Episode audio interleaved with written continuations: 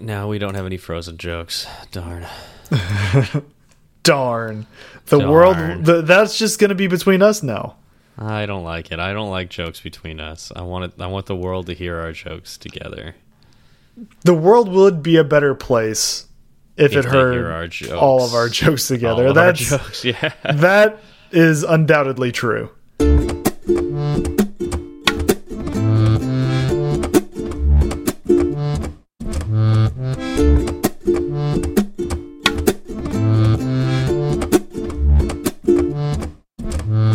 Hi, I'm Steve.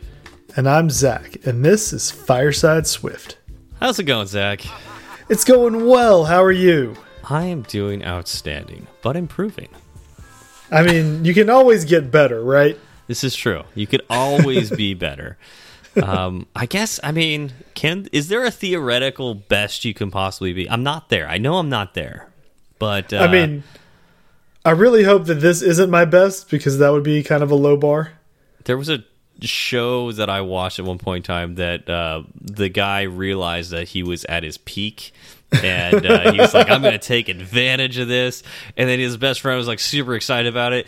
And then at some point in time, the best friend realized was like, "Wait a minute, that kind of sucks. Like that means the rest of your life is downhill." and the other guy's like living it up, but you know, Right. You can't Yeah. you can't maintain it. Ev- Yeah. Eventually he's going to get worse. you kind of you kind of need to be able to look forward to something, right? Like, I mean, maybe you get you get your physical peak at a certain point, but to be able to look, there's there's other peaks out there too, right? yeah, keep keep climbing the next peak isn't that a saying or something? Knowledge or I think it was Buddha. yeah, something like Yeah. that. The Tao of something or other. Seems wise. Anyways, uh, yeah, so doing well. Um, I will say, I'm, I'm just going to throw this out there. Um, you know, just just to start this conversation off, really interesting. oh no. the the virus scares um, have been interesting to say the least. Obviously, like uh, it's it's terrible what's been happening to uh, a lot of people out there, um, but uh, it especially coming from the event industry. Number one, I feel very good that I am no longer in that industry. yeah, no, events are being canceled left and right. Yeah. Um, so I know, like, so with my old company, we took care of some large brands at Comic Con the last two years. Uh, and Zach, the one time that I met up with you uh, in person was at South by Southwest. Uh, Yeah, that got canceled today. South by Southwest was canceled today. I, I, I, I would not be surprised if Comic Con San Diego, well, the Comic Con in Washington got canceled. Uh, so, like in Seattle, I guess there's a, a Comic Con up there that got canceled. That makes a lot of sense. I would not be surprised if the San Diego Comic Con gets canceled, which would be the event that I would work. And that's a big chunk of money. Like that's mm-hmm. just and it also like all those people that were expecting to work now they're not. You know, like all these conferences, like n not to mention WWDC that will probably get canceled. Yeah, that's the big question mark right now, right? Like Google I/O got canceled, correct, or did it get postponed? Well, it got canceled. It got canceled, uh, and of course they're saying everything's going to be online, know, remote, yeah.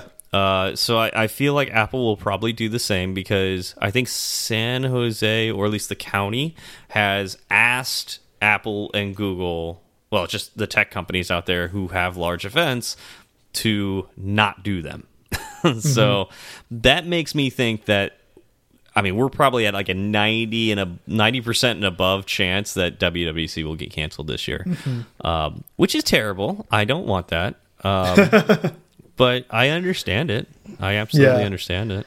I mean, the the numbers I saw floating around uh, South by Southwest is that it brings in something like um, a little over three hundred million dollars to the city, Yeah. And so you know, having having the people say that it's off, having the city council or whoever made the decision today say that it's off, Big deal. yeah, you don't make that decision lightly. You don't just say, you know what, all the money that's been put into it so far, that's gone, and all the money we were going to get from it, we're just won't anymore, right? Well, in what you think about like yeah, there's like the immediate impact of like companies coming to Austin and setting up their booths and and renting out place you know space and all that and all the like the businesses that are exchanging money and like you know the building of stuff and all that. Um, there's there's that aspect, the easily calculatable. This is the impact, but there's also the side impact of a lot of business deals take place mm -hmm. just because you meet somebody at a South by Southwest. Like yeah. so so like um you know, networking in itself like you may not like because these events are not going to happen yeah, we're not going to have WWDC probably and so maybe you don't meet the place that you're going to work next because that's you would have formed the friendships that would have led to that um, right also like one of the things I, I, love going to WWC because I get inspired. That mm-hmm. inspiration mm -hmm. may not be like have the same impact this year, and and so like it, I'm sure Apple will do something similar to Google I/O where it's all remote and you know you can watch all the talks and everything, and and we could get somewhat motivated, but man, it's not the same thing as being there in person. So yeah. that's going to be that weird side effect after you know, like this is the conference season, and there aren't going to be any conferences. So, what is that going to do to you know just I don't know the economy? I guess we're not yeah, a, we're not an economic podcast, but it's just interesting to think about. There will be a measurable impact to it, right? Like yeah. that's that's kind of a no brainer. Um, I think the weird thing with WWDC, if it goes remote, um, would be watching things like the keynote. Like how how do they present the keynote, right? Because mm -hmm. like a main ingredient I think of the keynote is the audience. The audience, yeah. You know, they come out, they make their announcement, everybody cheers. It, yeah. You can feel the energy build up. Yeah. What's going to happen to that energy, right? Well, I wouldn't be surprised if they do like use a smaller theater, like the Steve Jobs Theater, and do like a like a press, just get press out there um, mm and then vet them ahead of time. You know, like make sure that they're not sick, and you know they could they could control that more because there's less people, and those smaller announcements that they have in that theater still feel pretty big. Mm -hmm. Obviously, not as big as WWC, but I mean, if you use a smaller theater, you could use less people and have it have it feel like a lot of energy.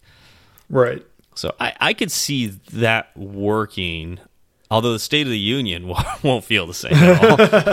it's it's going to be a different one this year. I think it's safe to say that. Yeah, it's yeah, it's gonna be interesting. And my heart goes out to you know all those affected by uh, this this crazy virus that's going around. Um, I don't want to make light of it in any way. Um, it's yep. it's scary. You know, it's it it is really scary. Um, and so uh, here's the PSA: wash your hands. Don't touch your face. Don't touch your face. And if uh, if you're feeling sick at all, uh, you know, stay away from people. You know, especially older folks. You know, definitely quarantine. You know, quarantine yourself from older folks in general, um, and get yourself checked out.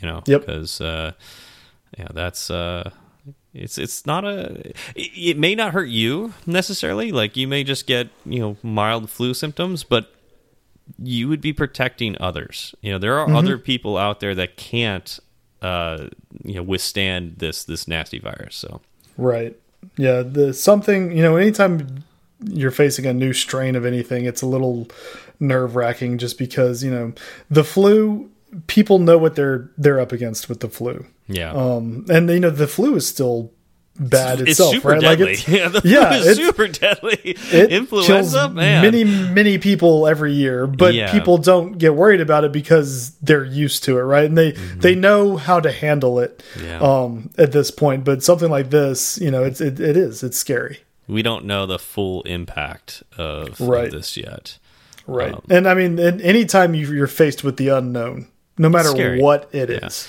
Yeah. I scary. do feel there there might be a little bit of overreaction going on here, but mm. um, but maybe not. Maybe we're not reacting enough. I don't know. Yeah, um, I don't know. I may run out tell. of toilet paper because yeah, it has been sold out everywhere. Yeah.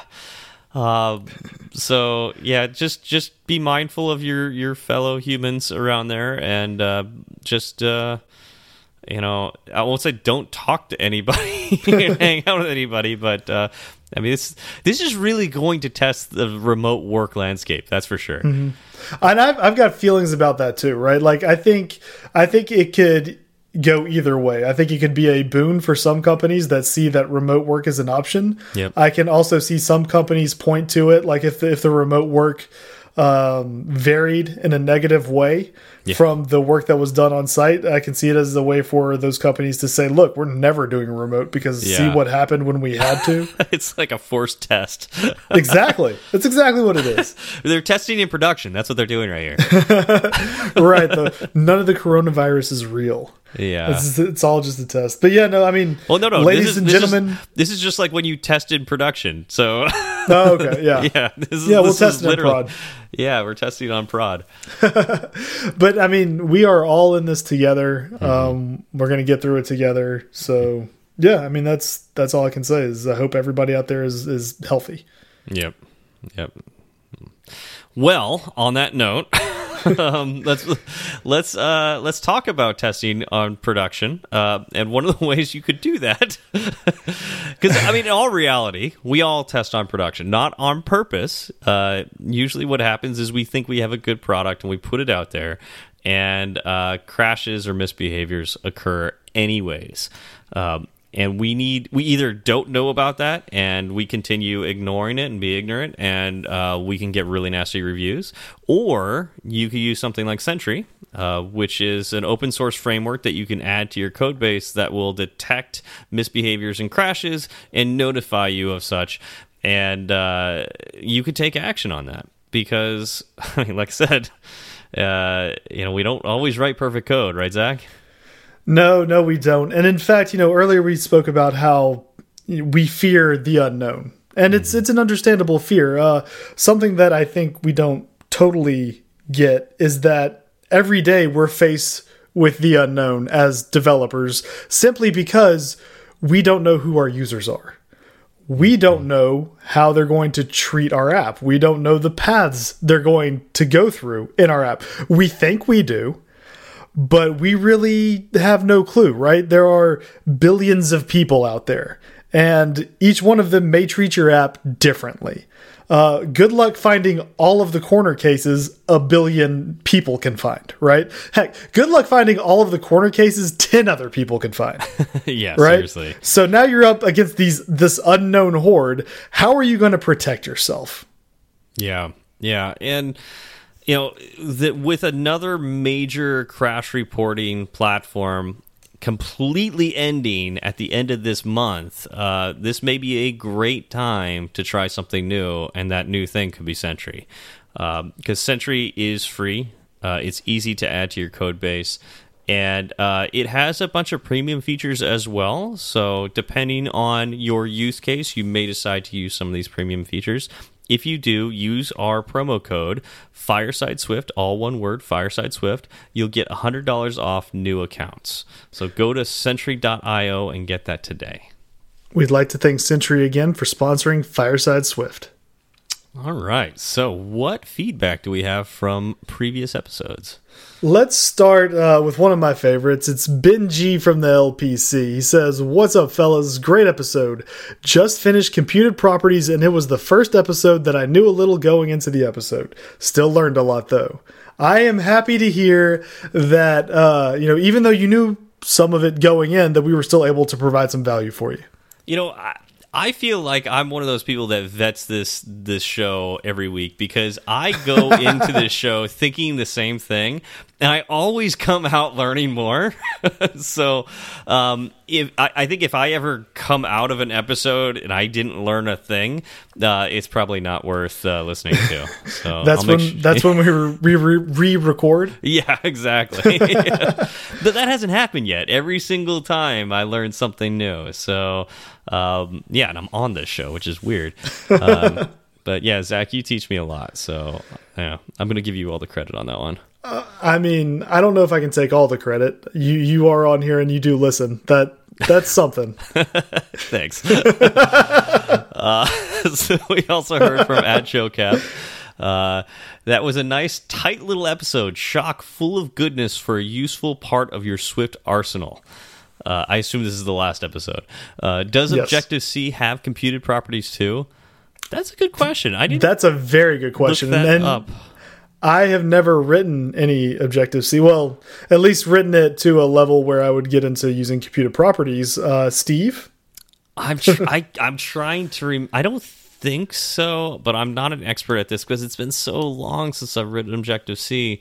Um, I know I would write getters and setters, but I would mm -hmm. write those like in Java. It was just like it's very common. What was interesting in Objective C was uh, the underscore for private properties or like you know internal oh, properties. Oh yeah, yeah. Uh, and so it was not like yeah, it was yeah private properties really because like you're you're public like the ability to uh, pull out the or, you know the getter essentially for a property was in a function not in uh, you, you wouldn't necessarily call the property itself until towards the end of objective c and then they started having the dot properties like you have in in Swift, and that was like mm -hmm. a thing like towards the very end of Objective C. They're like in, they were continuously improving Objective C all the way. I mean, there's you know it's not no, over say, yet. It's still it's still there. You keep saying it's over. Like well, they, like they're not really improving it. Objective C anymore. So I,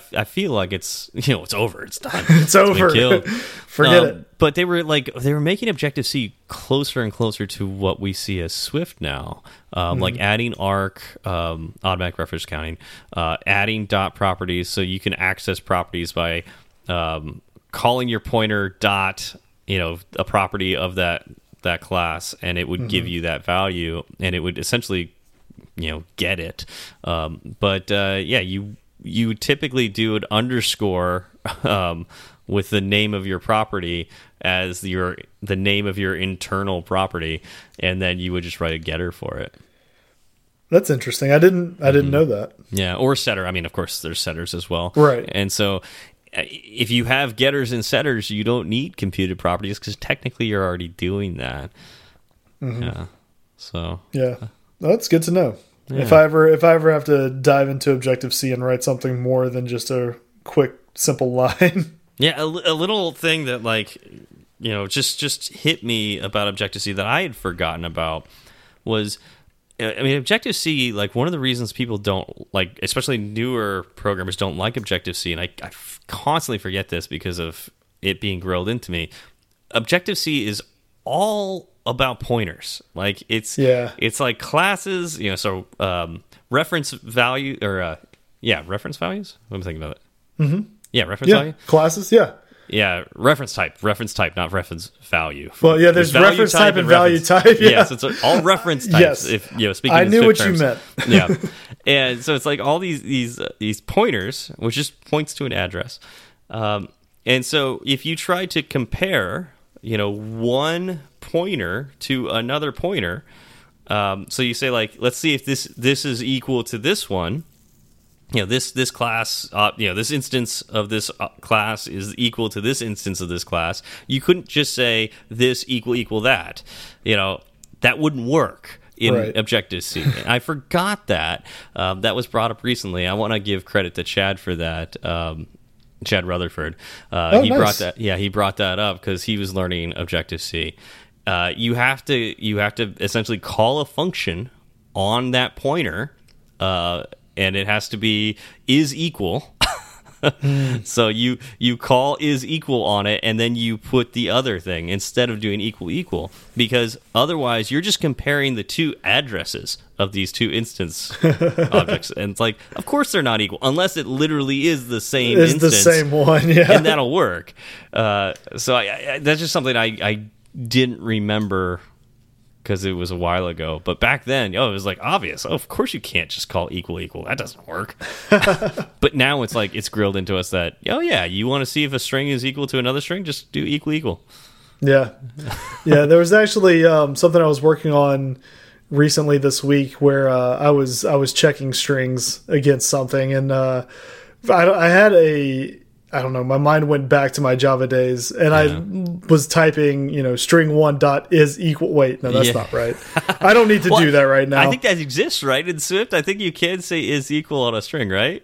I think you might be able to, but it's it's not it's not common, not the right, right yeah not really the right way to do it i guess i mean it's it's not a wrong way right it's, it's just way. it's yeah. not it's if it's not something you see that often just do it the way you yeah. see it often yeah. there's no there's no re reason to add extra complexity like because in 5 years if i went to if i went back to go look at that code again i would have to wonder why i used is equal as opposed to the equal signs, right? Like it'd be like, well, okay, well, there like, must have been a reason I did this. Well, it's just like with dictionaries and with arrays, there are functions to access the objects in those, mm -hmm. um, you know, in, in those those types.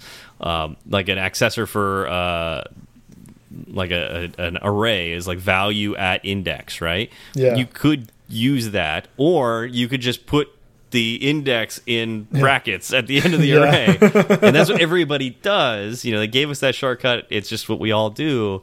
But it would be interesting, like, you know, that, that you just, for some reason, decided to do value at index instead of, you know, the, yeah. accessor, the normal no, accessor.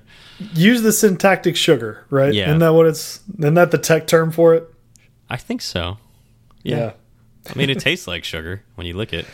Um, anyways, we also heard from at hmm? Master of None Dev. Uh, and they say, "Hey guys, I too was extremely surprised slash disappointed when I got my stickers, and they were stickers for giants. can't really fit this on my 15 inch, and still have room for anything else. But they look good at a more reasonable size.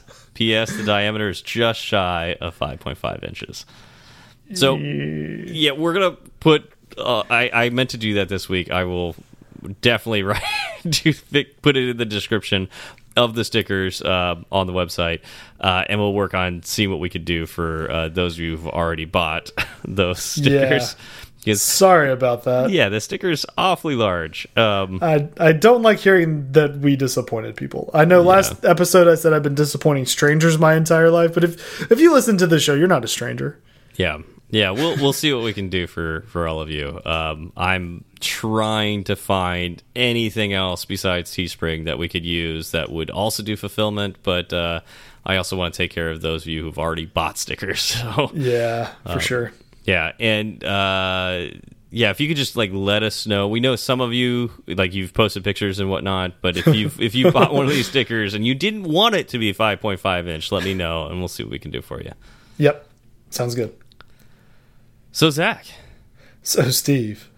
So have you ever done something but um, realized that uh, it was wrong?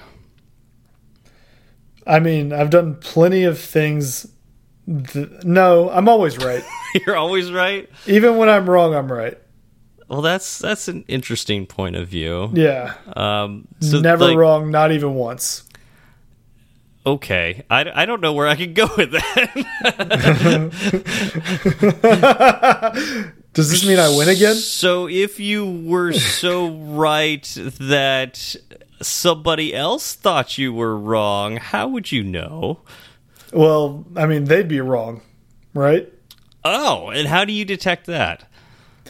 Um, well, first I ask myself, am I talking to Steve?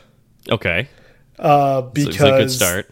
That's, I mean, it's it's kind of like a guard statement, right? Just get yeah. the most obvious thing no, out of the sense. way, that makes and sense. then you can get, yeah. Um, and then I see if they're disagreeing with me, and it's it's a, it's a two step process. Okay, is yeah. it Steve? Are they disagreeing with me? Okay, makes um, sense. Either one of those is uh, factual evidence that they are incorrect. Okay, um, but then uh, how how like how, what what do you do after you've decided that I'm wrong? Um, like, how do you handle that? Usually, uh, I I get off of the phone call and I just I there's a lot of cussing. Um, there's throwing. I've got holes in the wall. Uh, so it sounds like you handle it in a very healthy manner. Right. Well, you want these emotions to come out right? Yeah. You don't want to just bottle them up and keep them in. or else I'd end up just blowing up on the show, and we can't have that. We can't have um, that. Yeah. So I, I, I cap it just long enough until I, I hang up. and then then it's all there. It sounds right, and like, then I can I deal with it like an yeah. adult would. It sounds like you could um, essentially take those lessons that you've learned in talking to others and apply it to app de uh, app development as well. Oh, really? You can you can uh, handle your emotions with app development. Mm -hmm. Yeah, except okay. except we don't call them emotions in app development. We call them errors. Oh, okay. So you're telling me my emotions are errors. Yes, you. That yes. sounds healthy too. All of your emotions are errors. oh wait, I forgot. I forgot my first rule. I'm talking to Steve. That's right. How do you how do you handle that? Yeah. Okay. So I, I get it now. Error handling, right? Yeah. yeah. So so let's try let's try to apply how you handle your emotions uh, in in the form of error handling, and let's mm -hmm. talk mm-hmm. about that uh, for a little while on the show here. Okay. So I mean, first of all, error handling in code is essentially just responding to and recovering from any error conditions that are in your program, right? Mm -hmm. Yeah. And these these error conditions don't have to be fatal. Correct. It's just like we said earlier, a, a misbehavior, right? If the app is in a state that you don't want it to be in, or it shouldn't be operating in, it's an error. And I think this is this is one of the places where I feel like I've grown the most in Swift, um, like just as a Swift developer when mm -hmm. I mm-hmm. first learned Swift and I, I first learned about optionals and how great they were and you know the different things you could do with it, I made a rule for myself, and you probably did something similar, Zach, where I was like, there can be no exclamation points anywhere in my code. Right. I, was like, there, there's absolutely no reason for me ever to use exclamation points, um, and so I just removed them all uh, which is like I don't know, handling all of my you know particular kinds of errors with a giant hammer. Like uh, you know, everything was a nail. Um, yeah. And as I've I've grown as a developer, I've I've learned that there are certain times when actually crashing can be good. Mm -hmm. um, for instance, when I'm I'm accessing a part of my my app and there's a a class that I'm creating, and if it doesn't have a certain thing, um, the entire app shouldn't work. Right, like right. This, this, this is a fundamental thing. Like maybe it's a, a base URL or something like that. So, right. if I, so if for some reason I don't type in a correct URL to like you know, it's a, let's say it's a hard coded string of a base URL. Mm -hmm that's something I could probably let the app crash early so I know about it instead of trying to figure out like why the app just isn't behaving appropriately. right. Yeah, that's um that's an interesting point. The app I work on at my job, uh, it is 100% reliant on network network calls, right? Like mm -hmm. basically without some sort of network service, uh, the app will not function even a little bit. Yeah. Um, now we have a different kind of error handling around it. It basically lets us know immediately mm -hmm. that that there's no network connectivity and then there's a massive screen it takes up the rest of the screen right like yeah. our base view controller essentially puts up another screen on top of whatever is currently showing okay. saying you have no network connectivity jeez yeah. Well, again, we would rather the user look at a screen that is essentially blocking them from doing things yeah. than have the user try to do something and, and then just, continually it's just silent yeah yeah yeah and i think it's like that's when like having a very mature way of looking at the different ways you can handle errors um, really helps you as a, as an ios developer uh, mm -hmm. because you may let's let's say you know an error goes wrong. You may want to know why. Like for instance, the either uh, there is no network connectivity or literally the thing that the user asked for doesn't exist, or maybe mm. the backend just is not returning data in the right way for some reason. Mm -hmm. Those different error cases are something are, are different. Like you may want to handle them in different ways. For instance, you may want to show an entire view on top of your your uh, your app just because uh, the the user turned off you know turned on airplane mode and has their Wi-Fi off and you know there's literally the, the user did everything possible for your app not to work. You might want to let them know that. right. On the other hand, if it's something more nuanced like the back end returned an object that was uh, you know like a JSON object, and it's not formatted in the right way, so you can't decode it appropriately. You may not want to necessarily show something wrong to the user. You may just want to send something to uh, you know whatever analytics package you have in your app to say, "Hey, look, we're getting something wrong in the back end. Maybe we need to take a look at that, you know, at home." Mm -hmm. and figure out why we're receiving objects that are in the wrong format. So you're that's still handling an error. Yes, it's just not necessarily showing it to the user. Right. And th there are so many things that could cause an error in our apps, right? Mm -hmm. like, I mean, you, you mentioned unwrapping optionals, like trying to find a file that may or may not exist, right? Mm -hmm. um, something that plagued me when I was first learning iOS uh, development, and my entire app was in one storyboard. Um, incorrect segue names. Oh yeah, yeah, yeah. That that I don't know. For some reason, I had a really hard time uh, getting that. Or think about think I about like um, everybody does. Uh, cell reuse identifiers, right? Yep. Like yep. that's another big one. Like anytime you hard code a string for something, it can be a problem. Well, um, not only is it hard coded string, it's a hard coded string you're forced to get exactly right in two places. Everywhere, yeah, yeah, at least two yeah. places. Yeah, at least two. It, you can do yeah. it in more. yeah, you can have it in more. So it's possible to make this even more complicated. But at the very mm -hmm. least, it's in your storyboard attached to that cell and it's written in your code somewhere else. There's no way you could just put it in one place and just use a variable for both ones it it, right. it literally can't do that. So which is unfortunate but understandable. Very unfortunate. Um, yeah which is one of the reasons i really don't do that anymore. I mm -hmm. i will uh, either use XIBs or use programmatic views, um, and I will set those the variable name some or the uh, cell reuse identifier either. Actually, now I usually use an extension on uh, UI table view cell. Nice. Um, so, and that will actually create its own uh, reuse identifier based on the you know, the class name. Mm -hmm. um, and actually, I learned that from uh, Mr. McSwiftface. So thanks, Ben. nice. Um, now, before we get into error handling, I guess this is this is one way of error handling, and it's uh, thinking about your code in a different way.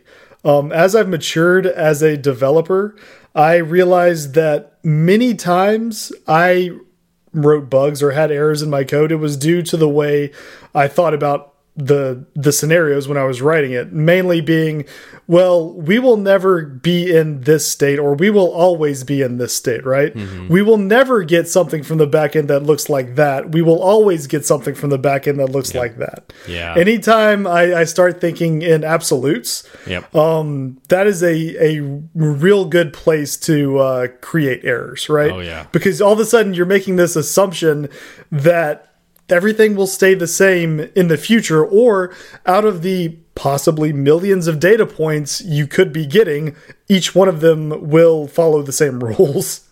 We had a really fun exercise. Uh, it was probably about four years ago uh, when I was working at uh, my last company. And uh, one of the web engineers, backend engineer, had gone to a uh, software craftsmanship meetup. Nice. And at this meetup, they they did uh like um oh what would you call this uh an exercise they did an exercise um, where they had this server that somebody stood up on their their computer a local machine mm -hmm. and this server purposefully gave you bad information. Like it purposely misbehaved. Now there was an API for it, and there were there was an API doc for it, and it was a game. So you had to all the developers in the room had to um, they were given this very simple API document, or yeah, document, and they had to register a username with this API, and then uh, write a program that would mine gold. So it was like as a gold mining uh, API, you would mine gold. It would give you buckets, and you would then uh, store these buckets, and you got points based on how much gold you stored from each bucket. So, uh, but the problem was like there was quite a few things wrong with it. Sometimes it would just time out. Sometimes it would give you 500 errors. It would just give you like the weirdest errors that imaginable and return the data in the weird way. And it was it was a very poorly well it was very well designed API because it did these things it, on purpose. Right. It was doing what it, it was supposed to do.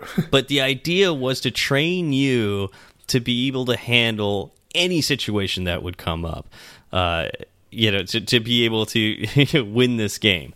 And at the end of the meetup, they calculated like how many, how much points everybody had. There was a secret endpoint that nobody knew about, and uh, the the person who was running the the meetup could could hit that endpoint and see every user that was created and how many points they had. Um, nice. And so it was a, a fun exercise they did at that meetup. So that developer brought that to our you know our workplace and so we took an hour one day, and a bunch of us all got around a conference table. We had an hour to get it done, and we we ran through this experiment to see, uh, you know, who could get the most points. Uh, and I actually did that with a, a Swift playground, and it was oh, back oh, really? when uh, that was fairly new. Um, so things didn't go really great at first. I think I spent a half an hour just trying to figure out how to run a playground and make a network call um, without it just like ending right away. Uh, right. But uh, it was it was really fun, and it taught me how to, you know, just like how to think that way, how to think defensively mm -hmm. when it comes to uh, you know stuff like APIs that you don't have control over. Right. And and so really just handle every possible kind of error because it could happen. Again, you right. don't have control over this. Well, but the problem is you can try to handle every possible error, right? Mm -hmm. But there's just going to be some stuff that sneaks up on you. Sure, and that's that's where having like, you know, crash reporting software is important. You know, having something that will report when things really go wrong. But especially with Swift, which is a compiled language uh, and it's strongly typed, uh, you can it's it's it's harder to not to it's harder for those weird situations to slip into your code base i think mm -hmm. than with other languages. Right. Well and swift also gives us mechanisms for error handling. Yes. Yeah um, so let's let's talk about some of those. Um like if i wanted to create um let's say a function that could throw an error how would i do that Right. So you would mark that function with the throws keyword. Yeah, which I think is interesting. Uh, you know uh, that it's it's throws, which actually I mean it's it's like a verb, so it makes right. sense. Um, and you would put that um, right before the little arrow um, for the return value. So mm -hmm. that's that's the main that's like the main thing is that if you wanted to say that this function that I'm creating can throw an arrow, it's arrow. Error error. Barely yeah those are very similar. Um, you know if this function can throw an error make sure that you know after your parameters so you know you get the parentheses where you put all the your your parameters for the function and be mm right before your return type and the arrow that tells you that this function returns something you put the the word all lowercase throws. Yep exactly now when you do mark your function that way, um, a couple of things get kicked off, right? It means that uh, the compiler knows that there can be an error that occurs in this block of code, and it's going to make you handle it. Yes. Yes, make absolutely. It will make you. I think that's one of the coolest things too. Um, not every language will make you handle that. They may. No. Yeah, and, and so it's nice that Swift is very strict about it. But if you only know one way to handle it, you know, and that's the do try catch block, which you know all of us learn at first. Well, hopefully, all of us learn, but you never know. Uh, but uh, usually, that's the first way you learn how to handle a throwing function, and that just might seem cumbersome if all you want to do is you know get this thing to work. You know, the first time. Yeah. So if you have to do the do try catch block every single time, and you're not you don't care about the error, that can see, seem cumbersome. Yes, I agree. Now, so you brought up the do try catch block. There are three other ways okay. to let's, handle. Before we handle those three other ways, let's quickly just do a recap of the do try catch block. Sure. No, I was I was getting there. Oh, okay, cool. I, just, I wanted to give an overview first, and then Perfect. dive into each one individually. Okay, go for it. You're better um, at that than I. so uh, the do try catch block um, you can propagate the error from the function in which it exists to the code that called that function. Um, you can handle the error as an optional value. Uh, and the last, which is kind of the funniest to me, is you can assert that the error will not occur. yes. yeah. which is sounds a little like you're sticking your head in the stand, but it is what it is. Also called YOLO. so so where would you like to start now that you know all four? Well, I, I, think let's start with the traditional one. If if I have like okay, so I'm trying to decode something with Codable, right? So I have a mm -hmm. JSON decoder. That's going to potentially throw an error. How do I handle that? Typically, I would I would first learn a do try catch block. Right. So how would I set that up, and what what are the advantages of that? Okay, so the do the do try catch block, you know, you'll handle your errors by running a block of code. Um, the keywords here are obviously do, try, and catch. uh, you'll start your block of code with the do keyword. Um, so you write do and then curly braces, hit enter, and or actually, you know, Swift will fill in a lot of this boilerplate code for you. Yeah.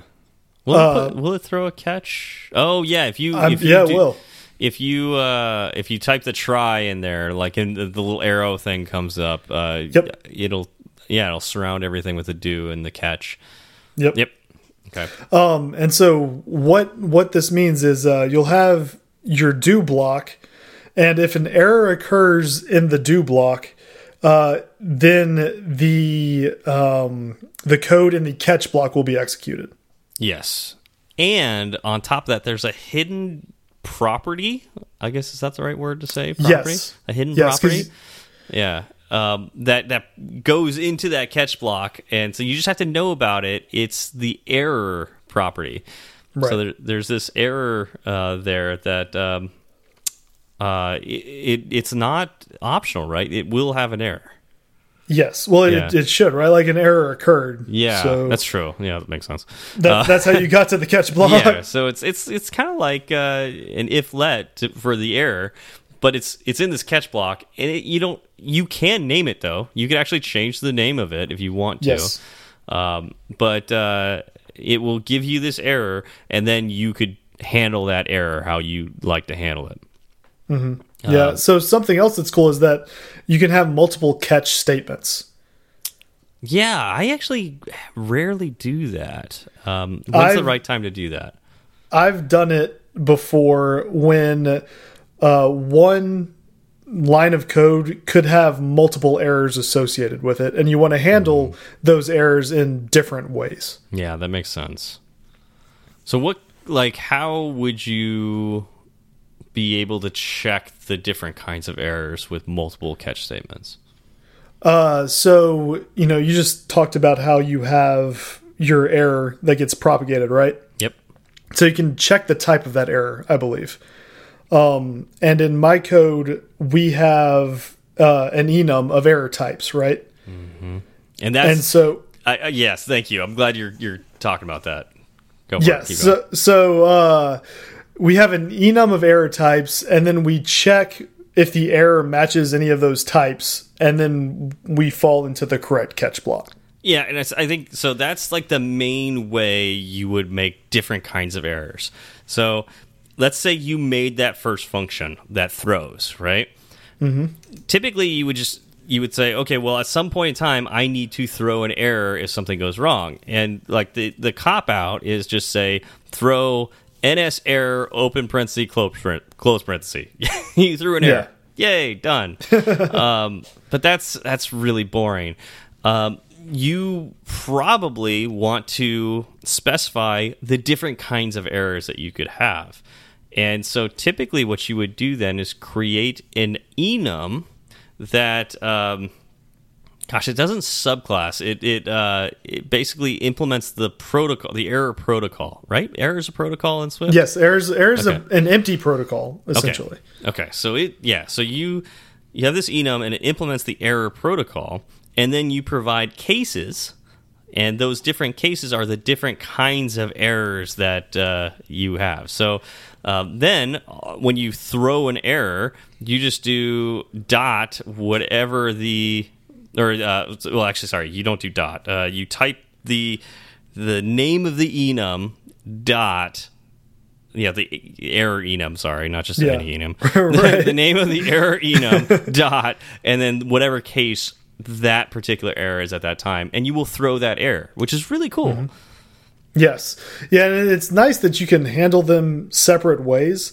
Um, I actually did this when I wrote a bunch of that sign in with Apple code because it could fail in different ways, and depending on the way it failed, we needed to give a different message to the user to let them know what they needed to do to fix the issue um, and also for our logging to understand where the issue occurred and how we can fix it on our back end. Yeah. Yeah. So that obviously that's extremely valuable. You know, now mm -hmm. you could we could handle that first case we talked about where maybe you don't want to necessarily show a view in front of the user that something went wrong. Maybe you just want to silently tell your your backend engineers that they need to do their job better, um, and so you just do that. Um, fail silently, but like sometimes you want to be very loud. It's like, oh, this this error occurred because the user has turned off every possible way for the app to work and mm -hmm. we could show an error that or show a view that will let the user know that they need to turn on networking in some form or fashion right now there is there is a catch to this uh, i see what you did there yeah uh, so if you have a, each pattern for these catch blocks, right? Now, what if your error doesn't match any of those patterns, right? So say it was a, a different error that was thrown that was not caught by the code I wrote, right? D don't you have to provide essentially a default catch? I don't think you have to. I think what happens is the error has to be handled by the surrounding scope if it doesn't match oh, any of the of the catch clauses. Okay, I thought you had to have eventually like a default catch Otherwise, uh, I mean, you can. You may as well, right? Yeah, because um, I haven't. I think what I've done, multi, like had multiple reasons, you know, like or multiple different kinds of error types. But usually, what I do mm -hmm. is mm-hmm. I use the the blanket catch, and I use a, a switch. Yeah, inside. Inside, yeah, switch data. Yeah, yeah, and I mean that that works. In fact, I think I'm actually partial to doing it that way just because the again the syntax isn't as exotic mm -hmm. um and i don't know you're kind of you're handling everything right there in the one catch uh and you and so won't would, end up you won't it, end yeah. up yeah you won't end up in this place where you could end up with an extra error that gets thrown right like mm -hmm. uh if you add an error to your original enum like if you add a case to your original enum that that multiple catch statement block that won't tell you that something went wrong. That's right? true. Whereas a switch statement will say it's not exhaustive anymore. You have yes. to add that case here, and I love that. That's one of the reasons I love using switch uh, switch statements. Yeah, so I think I like the switch statement a little better, unless of course you have a default case in your switch statement. Then it won't work. Oh yeah, then it won't work. Yeah. so but then you're you're purposely saying that you know right. I want to ignore any other kind of error types.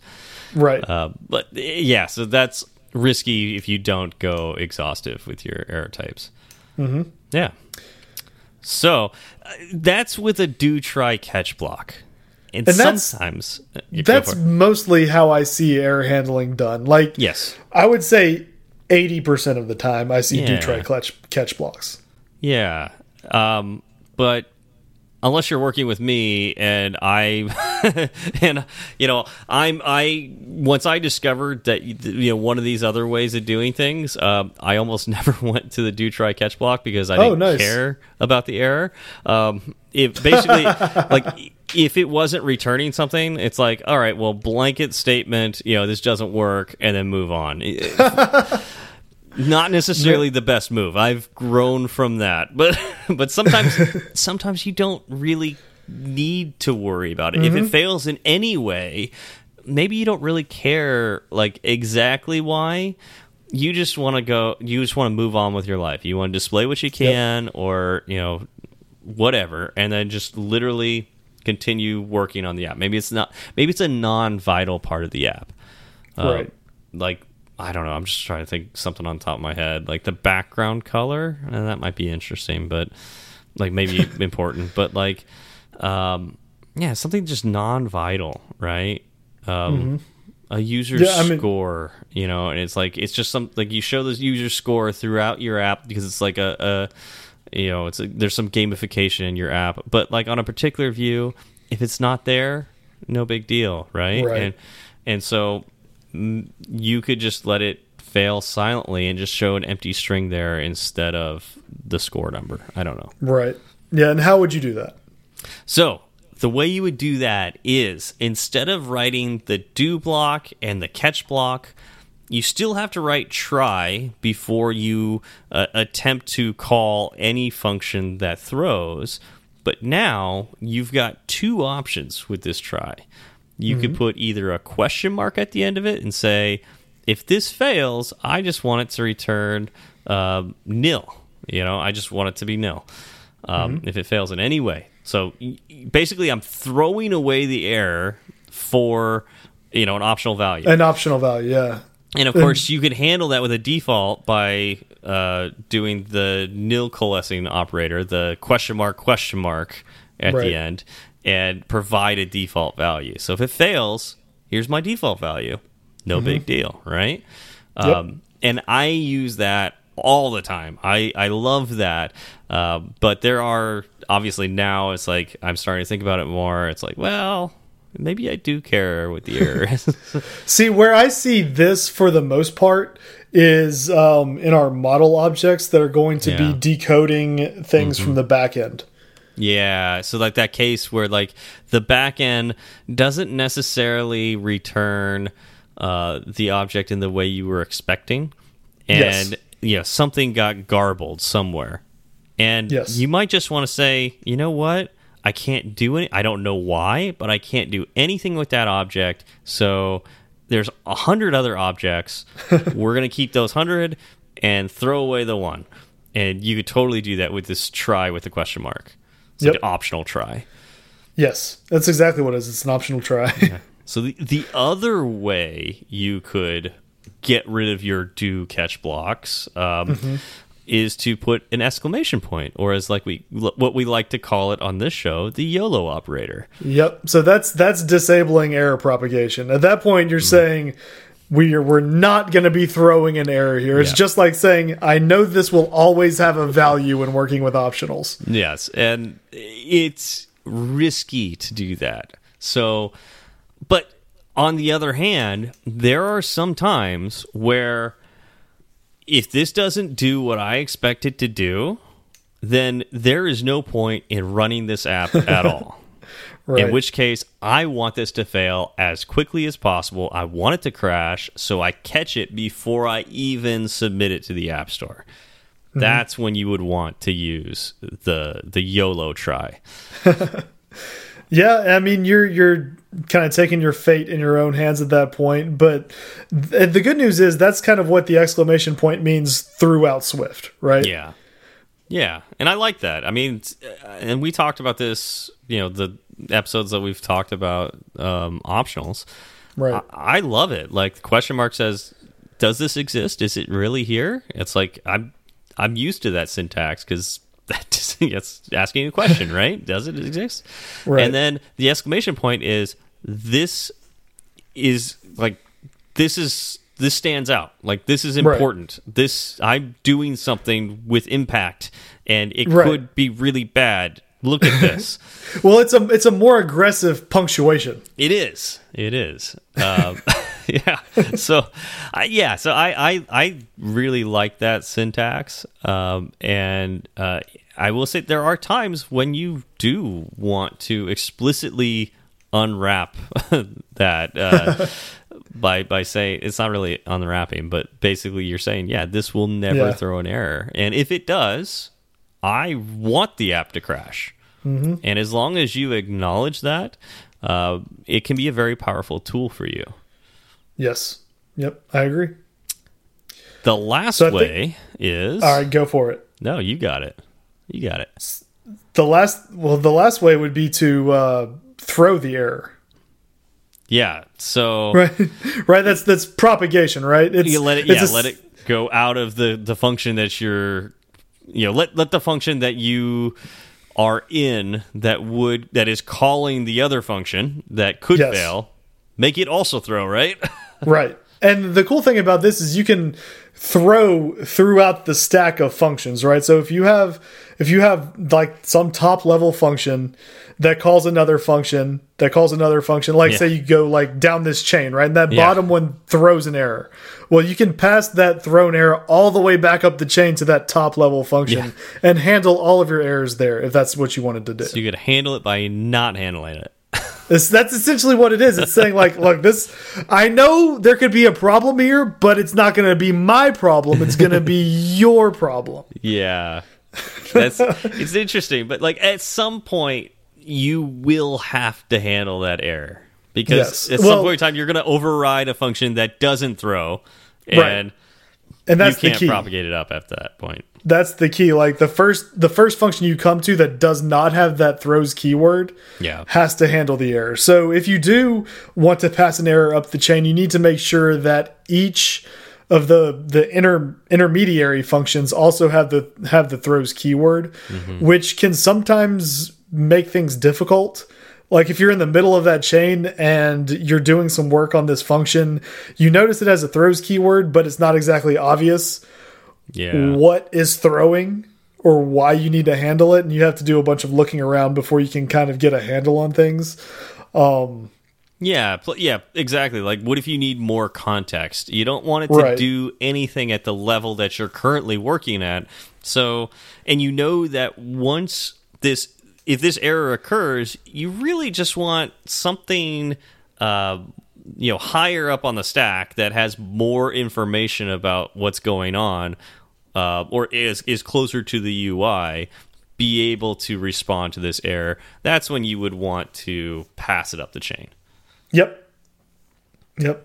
Yeah, so I've definitely seen that occur. You know, like I've, I've used that strategy before. I have to. Yeah, that's that's pretty common. I mean, but the thing is, once once you finish throwing, then you need to go into one of the other the do catch or the uh, try with a question mark or try with a exclamation point to do the handling of the actual error that got thrown. Yeah, so it's like at the end of the day, there's really three ways to handle you know the errors right and that's that's with either try with the do catch block try with the question mark or try with the exclamation point exactly uh, yeah, I mean, technically, you're doing the yeah, work. Yeah, you're do, you're still doing the work. You're still handling the error, just not right there. Mm-hmm. Yep. Exactly. exactly. Um, I mean, that's mainly all I have to say about error handling. Mm -hmm. uh, I have two two more points I want to bring okay. up. Error handling is a great place to use defer statements. Okay. Explain because, yourself. Well, you may have uh, some code that you absolutely want to run no matter what happens. Yep. So you can write a defer statement with that code in it, and that way, if you do hit an error later on down the road, that that uh, code still gets run. So like you're you not can, okay. So I, I, I misunderstood. I thought you were saying you were going to handle the error in the no, defer statement. Okay. No, no, no. I'm saying I'm saying that when you are dealing with error handling, like if you have a function that throws an error mm -hmm. or you're handling an error in some way, yep. but you have other code that you need to run, right? And yep. you want to make sure that it's run all the time, whether there is an error or not. You can yep. put it in a defer statement, and that code will will fire. I could think of a really good example of this, and that's like right. if you have your if your function is supposed to return like a completion handler. Mm. So like a, there's a, a, closure, you know, that oftentimes we call them handlers. Um, it could be just a, a, completion handler or a progress handler or something like that. But usually, like on a completion handler, if that's handed in, the object that called that function is expecting that completion handler to get called at least some point in time, right? It's right. it needs to get called. um, so that's that's something that you could put in that defer statement. Uh, mm. Is like guarantee that it's going to be called. That being said, um, well, I guess I don't want to get too in the woods with with things that you could do wrong there, but you could probably think of some ways that you could throw that in the defer statement. But there are some depending on how right. you want to call that that completion handler. If it's just a right. simple completion handler that takes in void and returns void, that's perfect for putting in the defer statement.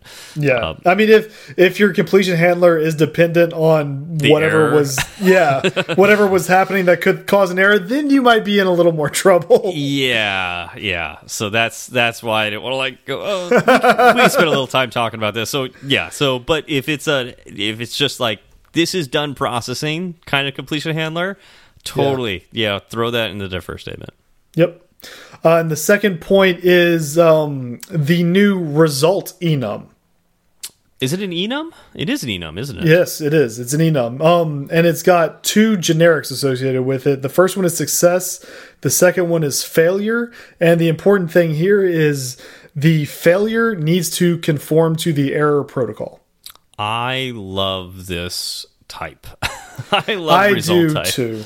I do too because you make a you make a network call and now what you get back is a result and you can decode it based on whether it was a success or failure and handle your errors in the failure code. Yeah, and the funny thing was like I think a lot of us were creating our own version the exact same thing yeah. yes and so it's like this boilerplate code that we would always write and it's like okay well I need to have a new kind of completion handler, and this completion handler is going to be it's well, it's result handler really, and so it's going to have potentially an error or not, and it's going to have. It, I always want to get this object back when it succeeds, so it's going to be having it's going to have that or not.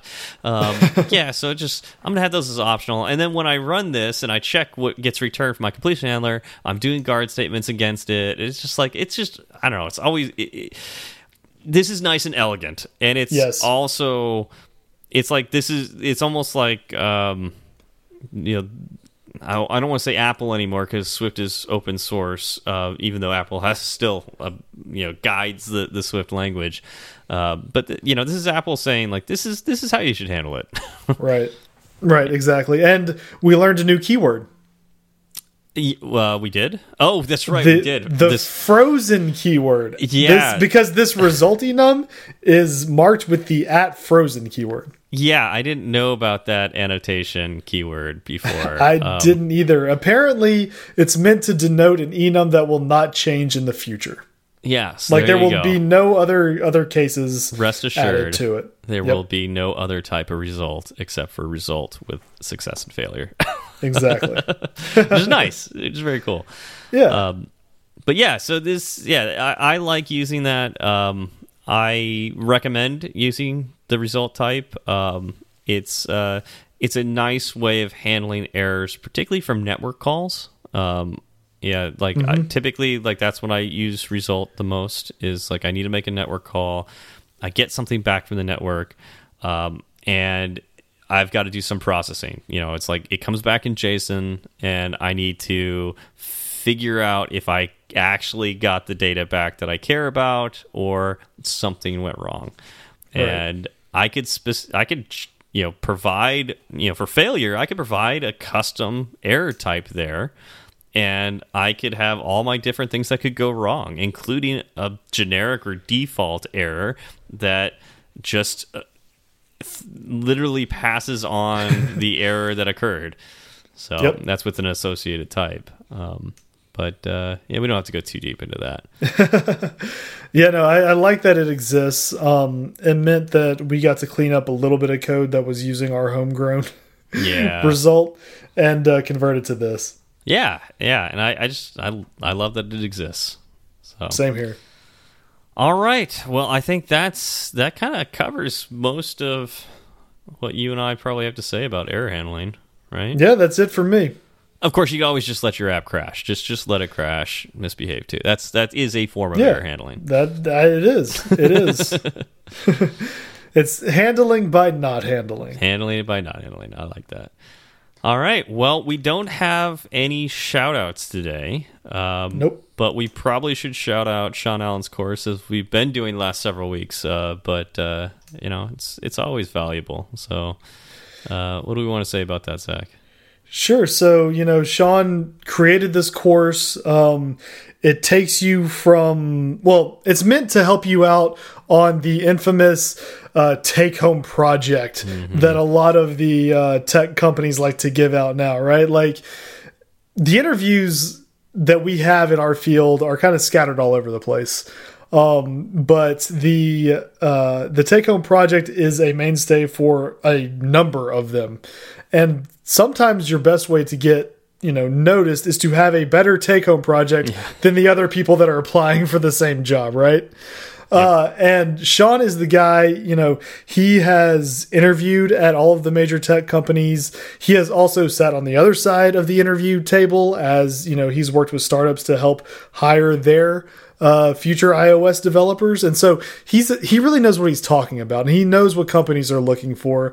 Um, and he was nice enough to distill all of this information and hand it out. Now, it's not handed out freely; there is a cost, um, but listeners of this show can get a fifteen percent discount with the code Fireside.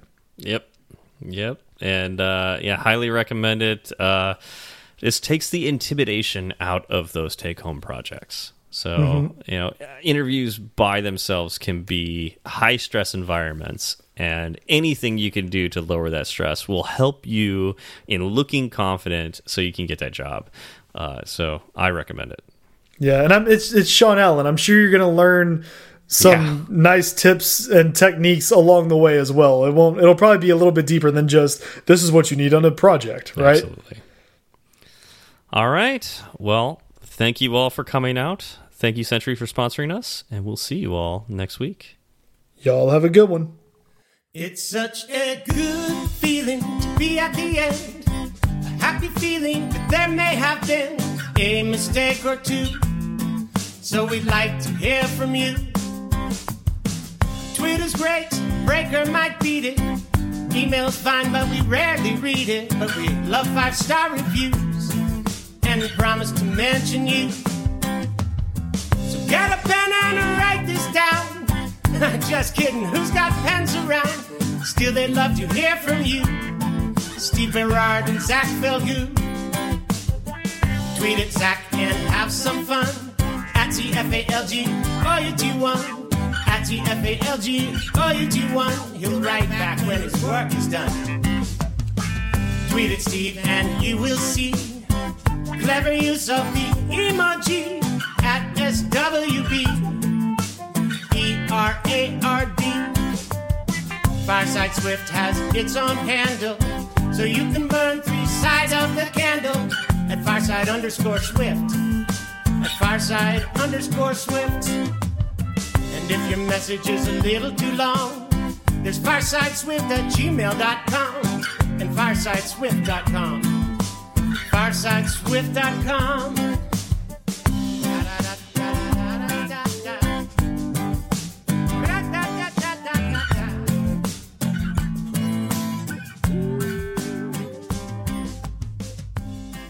How about a mini golf place where it had 30 36 holes, right? So two Yep. courses, Yep. two two courses worth of holes, but you, You could play whichever scan. 18 you wanted. yeah, you have to scan every time you start a hole. yeah. Uh, and if uh, if it's the last hole, the uh, the mini golf course, as soon as the ball hits inside there, it will swallow the ball. Like exactly. eat the they ball. all they can all be the final hole. Yeah, yeah. I can see that. Yeah. It's a very advanced miniature golf course, though. It's coming. Let's tell Elon about it. He'll build it. Yeah, He'll build anything. I mean, in all reality, you wouldn't even have a wristband at that point. The golf ball itself would be what we're scanning. right. Yeah, it's got some RFID. Yeah, and so it's just like And as soon as it hits that- a hole, Yeah. You put it down on the mat, right? Like and that's Uh-huh. Yep. that's the scan right there.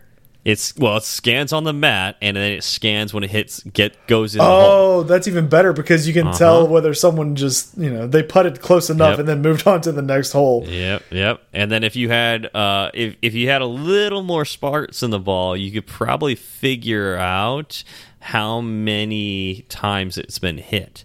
and yeah, so just like now impact. you yeah, and so well, it's not just impact because you're gonna like bounce Oh, off things, yeah. right? So it's got to be like resting for a while and then impact of a certain amount. Well, know? yeah, because you could drop the ball, right?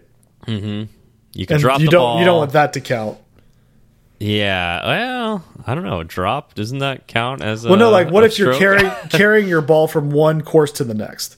Well, it's only in between, like, because again, it scans Oh, on the yeah. mat and it scans Yeah. in the hole, so it's in between that. Now, it's possible for you to smack it and it goes all the way into a lake or something like that. and Right, then be you gotta yeah, that, Yeah. that case would be strange.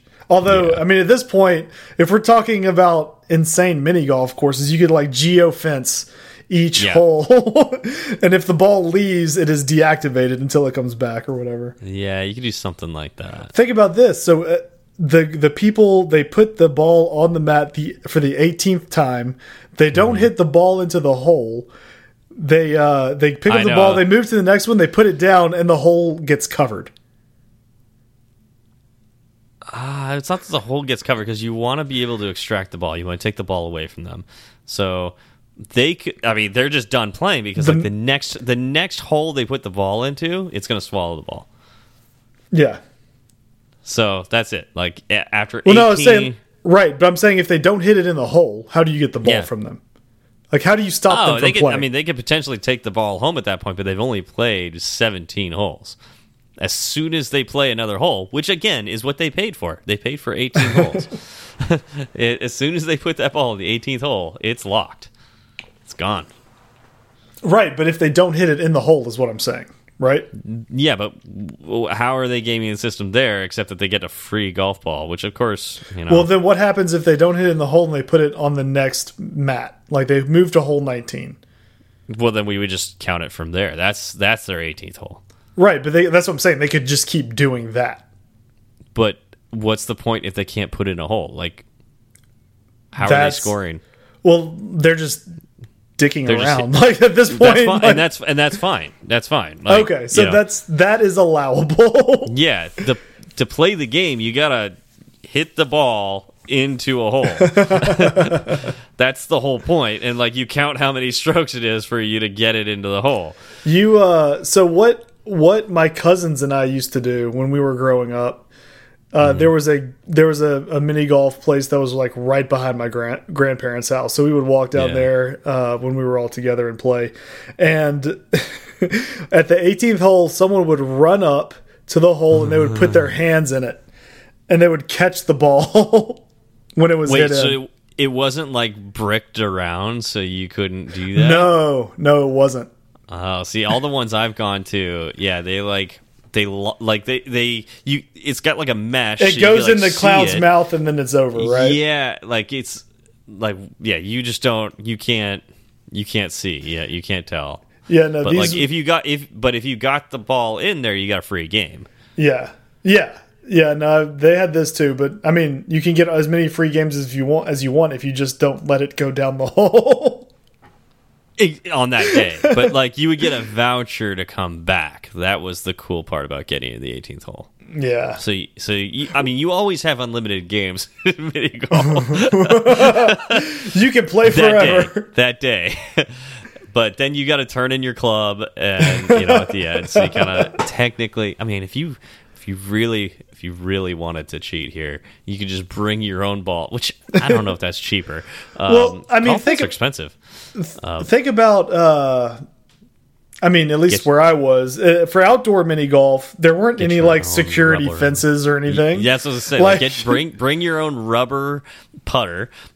Yeah, and yeah, and, and, then I guess uh, search through the lakes because you're gonna find some balls in there. That's what my that's and that's what my cousins and I would do. We would all yeah. like there would be ten of us, and we'd pay for yeah. two games, and we yeah. would have like fifteen balls. because again, as we were walking from my grandparents' place to the mini golf spot, there were like you'd find balls in the gutters, you'd find balls oh, in the woods well, that's I mean that's how I gained so many tennis balls at Fresno State because I lived across the street from the dorms.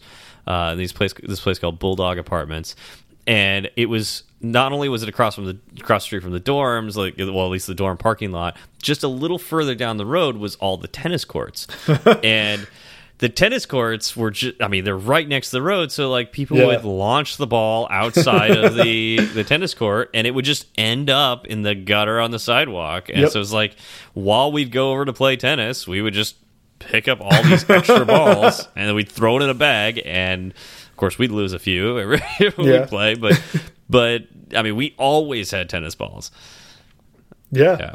save yourself the two bucks yeah I mean, especially as a especially as a uh, college student, right? Yeah. Oh, yeah. And then I was trying to think if I had a dog. I guess I didn't. I had that bag for a while because, like, after I left Fresno, I, I, I guess I took it with me. So I had I had dogs that I would give those tennis balls to. yeah. I don't yeah. think Rock. No, Rocky never liked tennis balls. I don't know if I had that bag still. Come on, Rocky. That would be hilarious if you just had this old bag full of, of tennis, of tennis balls. balls. from your mm. college days. Yeah. These old gutter tennis balls. Yeah, they were good balls. They were, they were good. They were free, right? they were free. That's, that's all they needed to be. Yeah.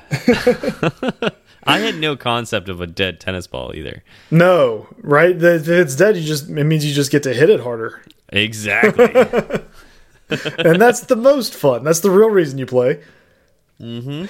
You just want to. I mean, I would smack the ball as hard as possible. Back then, I would just every so often I would want to launch a ball, and so mm -hmm. yeah, I remember I would play tennis with my roommate, and yeah, he would just hit it, you know, and every so often I just would want to like slow, you know, just just home run it. I would launch it into swing like, the for the lot. fences. Yep, yeah. You'd be like, what the hell? I was like, I would just shrug and go, I just felt like it. Yeah. The the weirdest story I have around tennis is um, I was in college. Mm -hmm. I mm-hmm. went to go play. We we get out on the court and out of no there's just a dead fish. like what? a large dead fish lying in the middle of the court. Okay. And I mean, this was Random. College Station, and it wasn't it wasn't like a bass or a perch Did or something you'd pull out of a lake. Uh, okay. Uh, it looked it looked almost like a uh, like a speckled trout, like a, it was like a Gulf Ocean fish. Uh, um, like that's what it that's okay. what it looked like. The okay. the only thing I could think of was there was there was a bird that maybe it uh. was out of a lake and a bird yeah, came down, it. picked it up, and then yeah, it dropped it on the tennis court because there's no reason for a, a, a fish to be on the tennis court. Fish yeah. in, in College Station. Yeah, I I don't know what how it got there, what it was. That that mystery was never solved. Oh man, yeah, that's it. That's the whole story. that's that's it. There was a fish on the tennis court where you, I so mean, I, whenever there you, is a fish where you don't expect there to be a fish, it's always a story. That's a pretty weird story, no matter how you look at it. But did you take care of the fish, like remove it from the court, or I mean, there was else? there was a, a you know kick to the side. Just just move it off the court. Is it one? Was Just- there only one court, or because you have played on a different court? No, there were. Uh, oh, well, there were four courts. I'm assuming that the other three were full. They they probably they probably also saw the fish on the court and elected to to play elsewhere. Yeah. Did it? Was it smelly? It wasn't, which made me think it was kind of fresh. I mean, that's that's the only conclusion I can draw. yeah. Fair enough. So I don't know. Some raccoon ate really well that night. Yeah, I'll bet. Ding. That's for that's for Mr. Mc- McSwiftface.